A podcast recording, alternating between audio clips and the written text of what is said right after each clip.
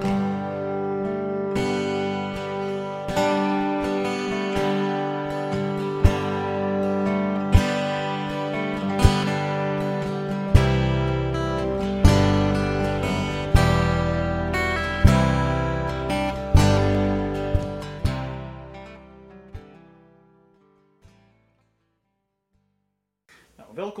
alweer uh, bij de tweede aflevering van mijn podcast over genetische genealogie. En uh, in deze aflevering uh, sta ik stil bij de biologie. En ik ga een, een, een kwartier tot twintig minuten zal deze aflevering duren, waarbij ik over de biologie ga praten. En als het langer duurt, dan zullen we zien dat er nog een tweede en een derde en een vierde biologische uh, podcast komt. Uh, zoals jullie wellicht al weten, hè, mijn naam is Erik Mols, ik ben bioinformaticus, uh, opgeleid aan de Wageningen Universiteit. Ik, ik script dit niet. Dat betekent, net zoals dat ik colleges geef aan bachelor- en masterstudenten, doe ik dit eigenlijk vrijwel allemaal uit mijn hoofd. Dus daarom weet ik dus niet of we nou twee of drie of vier afleveringen over de biologie worden. Het voordeel daarbij is dat ik mijn creativiteit lekker los kan laten.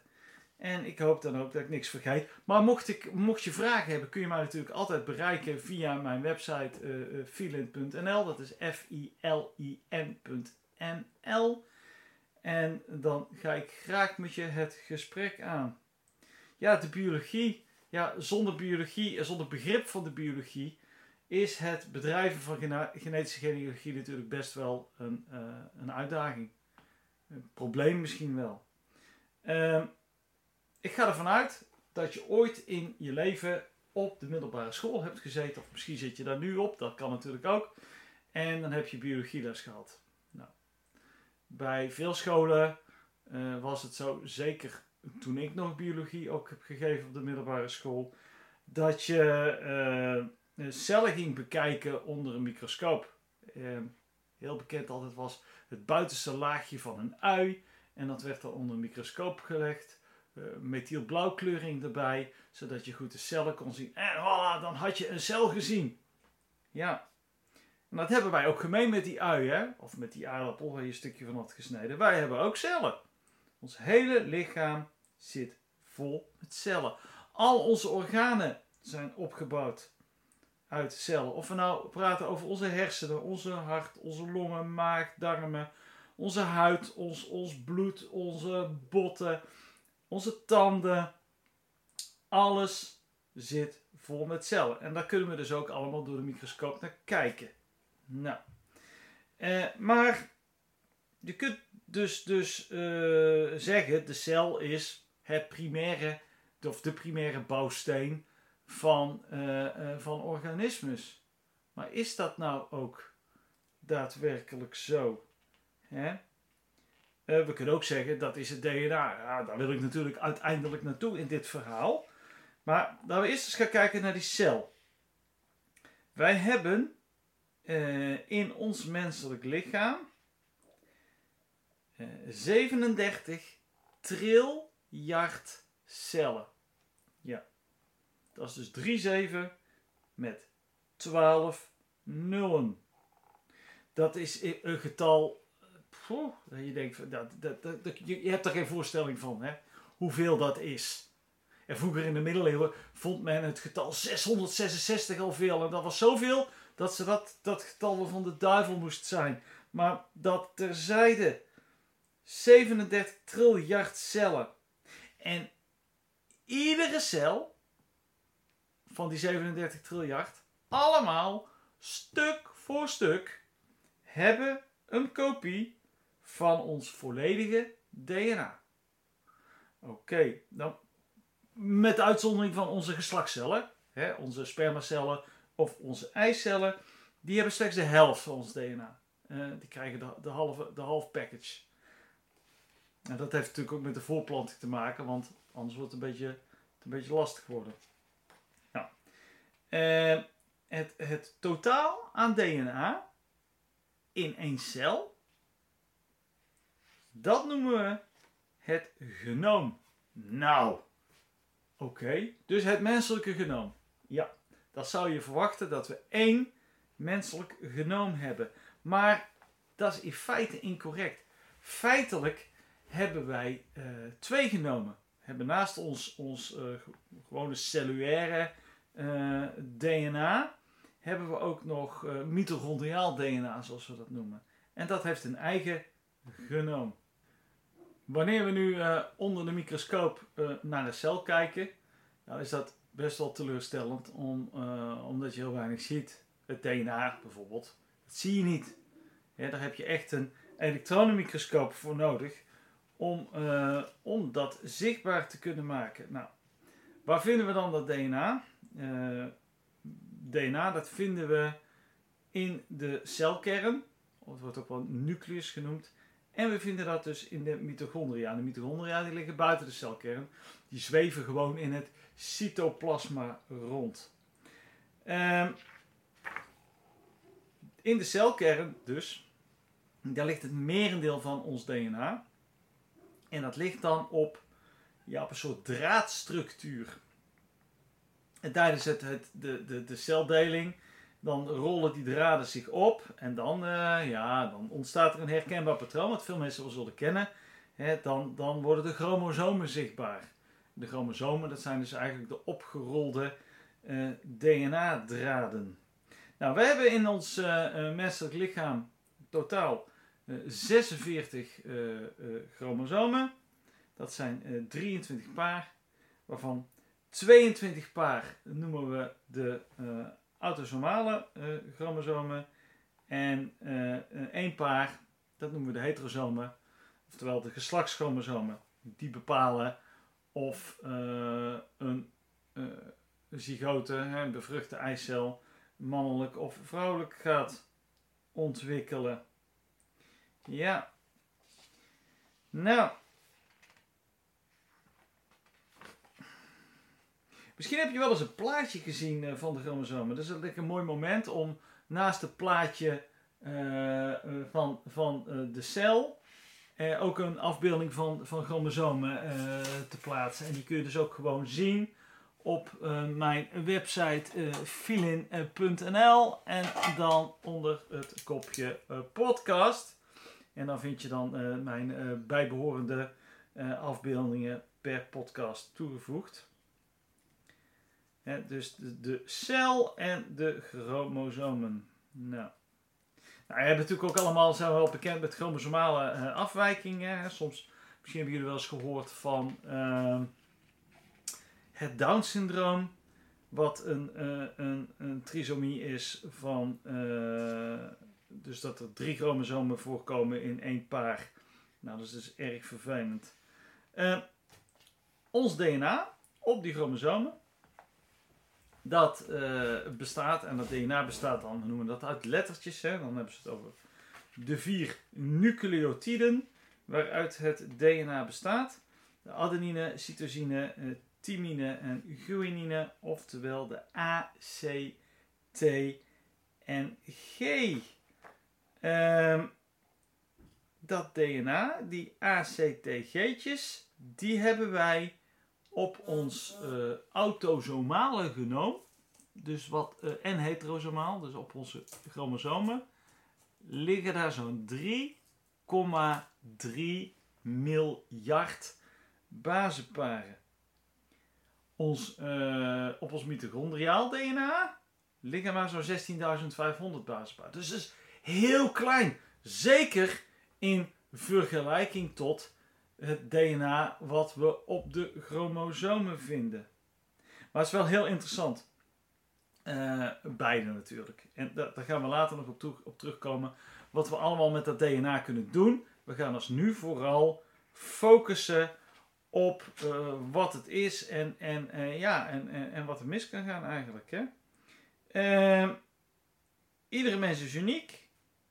We hebben eh, uniek DNA, maar we hebben natuurlijk wel verschrikkelijk veel DNA met elkaar gemeenschappelijk. Om, om zonder, zonder gekheid te praten. Hè? zonder dat ik jou of mijzelf wil beledigen Maar je hebt ongeveer 70% genetische overeenkomst met een aardappel. Ja, maar ook met een wortel. Dus dat maakt niet zo heel veel uit. Je hebt gewoon heel veel overeenkomst met het ander leven van deze planeet. Dus dan snap je wel dat het verschil tussen twee mensen dat dat zeer, zeer minimaal is. Sterker nog, als we bijvoorbeeld een chimpansee nemen, dan hebben we zo'n 97% mee gemeen. Dus dat is veel. En hoe kan dat dan, hè? Hoe kan dat dan? Dat, dat ik maar 0,1% heb met mijn vierde neef, maar 97% met een chimpansee. Ja, dat, dat, dat komt omdat we dan op een andere manier vergelijken. Geloof mij, jij hebt veel meer overeenkomsten met je neef dan met een chimpansee. Tenzij natuurlijk dat een chimpansee je neef is, maar goed, dat is een andere. Uh, als we de DNA gaan vergelijken met een ander organisme, dan kijken we naar het volledige uh, genoom.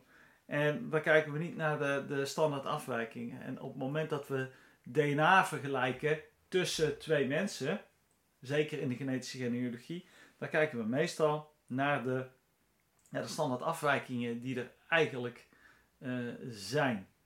Dus dat is dat. Uh, ja, nou ja, wat is nou belangrijk? Nou, tijdens, tijdens uh, dat wij leven, en of dat nu gewoon de dagelijkse gang van zaken is, of, of dat we bezig zijn met het produceren van voortplantingscellen, uh, tijdens het kopiëren van cellen, en dat moeten we, we moeten ons lichaam vernieuwen, wordt het DNA gekopieerd. Nou, daar hebben we twee kopieerprocessen bij. De ene noemen we mitose, dat is gewoon het, het kopiëren van een, uh, een cel, het DNA in een cel ook. En we hebben de meiose en dat is het maken van de geslachtscellen. En bij die meiose, ja, daar wordt je DNA bij gehalveerd. Nou, als je dan kijkt dat een, uh, een man, die levert dus een pakketje op met 22 autosomen en 1 uh, eh, heterosoom. Maar een man die heeft voor zijn heterosomen X en Y. Wat dus betekent dat als die zaadcellen maakt, dat er, als die van de twee zaadcellen, dat één de X zal bevatten en een andere een Y zal bevatten. Als we kijken naar een vrouw die eicellen maakt, die stopt daar dus ook 22 uh, eh, autosomen in, maar ook één van haar beide X-chromosomen. Jawel. Plus komt er in de eicel nog een hele hoop mitochondriën terecht. Wat dus betekent dat je dus altijd, bijna altijd, het mitochondriale DNA van je moeder krijgt. Maar dat betekent dus ook dat als je een jongetje bent, jouw ei-DNA dus altijd en alleen maar afkomstig kan zijn van je vader. Want immers, je moeder heeft geen ei-chromosoom. Nou, en dit zijn hele belangrijke gegevens binnen de genetische genealogie, want daar gaan we uitgebreid gebruik van maken. Uh, nu kunnen we wel zeggen, is dat DNA dan altijd volledig uh, functioneel zoals we dat hebben? Nee, dat is niet het geval. Maar uh, dat voegt, voegt nu echt uh, niks toe aan deze, deze discussie. Wat we moeten weten is dat tijdens dat kopiëren van, van onze cellen en dus ook van ons DNA, kunnen er dus ja, foutjes ontstaan. Kopieerfouten eigenlijk. Ja, dat kan. En die kopieerfouten, die kunnen leiden tot functieverlies. En die kunnen ook leiden tot, tot dat, dat een organisme uh, niet levensvatbaar is. Maar mutaties, uh, met name mutaties in stukjes DNA die uh, geen of minder bijdragen aan de overleving van het organisme, ja, die kunnen gewoon blijven, want die, die richten immers geen schade aan. En, maar wat nou interessant is, is als jij een, een mutatie hebt een wijziging hebt in uh, jouw DNA, dan is het dus best wel waarschijnlijk, of aannemelijk, dat die mutatie 50% kans heeft dat die dus ook voorkomt per jouw nakomelingen. Immers, je geeft de helft van je DNA, de helft van je chromosomen, geef je af aan je kinderen. Dus er is 50% kans dat die mutatie op een van die chromosomen in je kind terechtkomt. Nou, en dat is dus ook het fenomeen eigenlijk uh, wat, we, wat we doen binnen uh, genetische genealogie. Dat is, we volgen die mutaties. Want hey, je hebt een mutatie gehad van je ouders. Die hebben die mutatie misschien weer gehad van hun ouders. En dat, dat fenomeen, dat is waar we op drijven. In de volgende aflevering van deze biologie-podcast, uh, van dit onderwerp biologie als onderdeel van de genetische genealogie-podcast, gaan we dieper in op uh, uh, het fenomeen van de evolutie en van de mutaties aan het DNA. En vergeet natuurlijk niet naar mijn website te gaan, filin.nl, f-i-l-i-n.nl. Uh, lees daar ook alle, alle toegevoegde bestanden. Kijk daarna.